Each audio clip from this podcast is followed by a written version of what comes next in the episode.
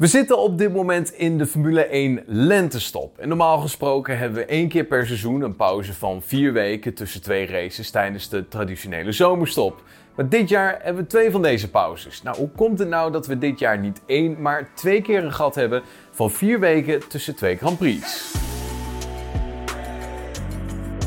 Zoals gebruikelijk in het Formule 1 seizoen mogen de coureurs in de zomer even genieten van een aantal weken rust om bij te komen van het lange en intensieve schema en het reizen over de hele wereld. Dit seizoen wordt er even kortstondig een pauze ingelast naar de Grand Prix van België op 30 juli, waarna de coureurs en medewerkers uitvliegen voor een aantal weken rust in de augustusmaand. Op 25 augustus zien we vervolgens iedereen weer terug wanneer de Grand Prix van Nederland in Zandvoort op het menu staat. Nou, echter is dat dit seizoen niet de enige langere rustperiode dit jaar. Want op dit moment mogen de heren namelijk beginnen aan een, nou, misschien kunnen we het wel noemen, een soort van speciale lentestop.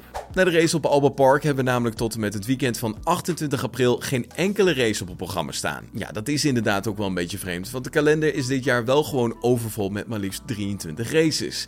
Hoe zit dat nou precies, dat we ineens in april drie weekenden geen race hebben om naar uit te kijken? Ja, dit heeft alles te maken met de Grand Prix van China, die eigenlijk dit weekend van 14 tot en met 16 april op het programma zou staan.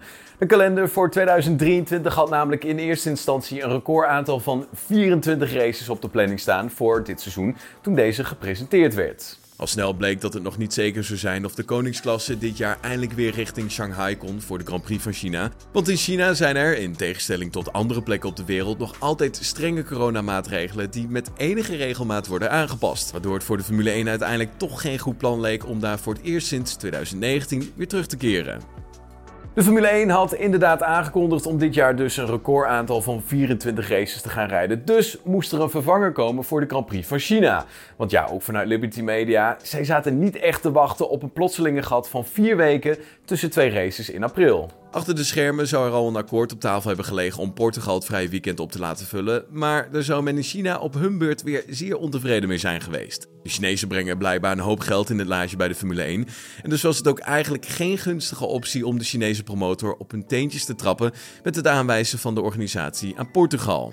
Nou, bracht de Formule 1 uiteindelijk tot de conclusie dat de gulden middenweg de beste optie bleek. Dus kwam er op 17 januari het nieuws naar buiten dat er tijdens het spookweekend van 14 tot en met 16 april definitief geen race op het programma staat.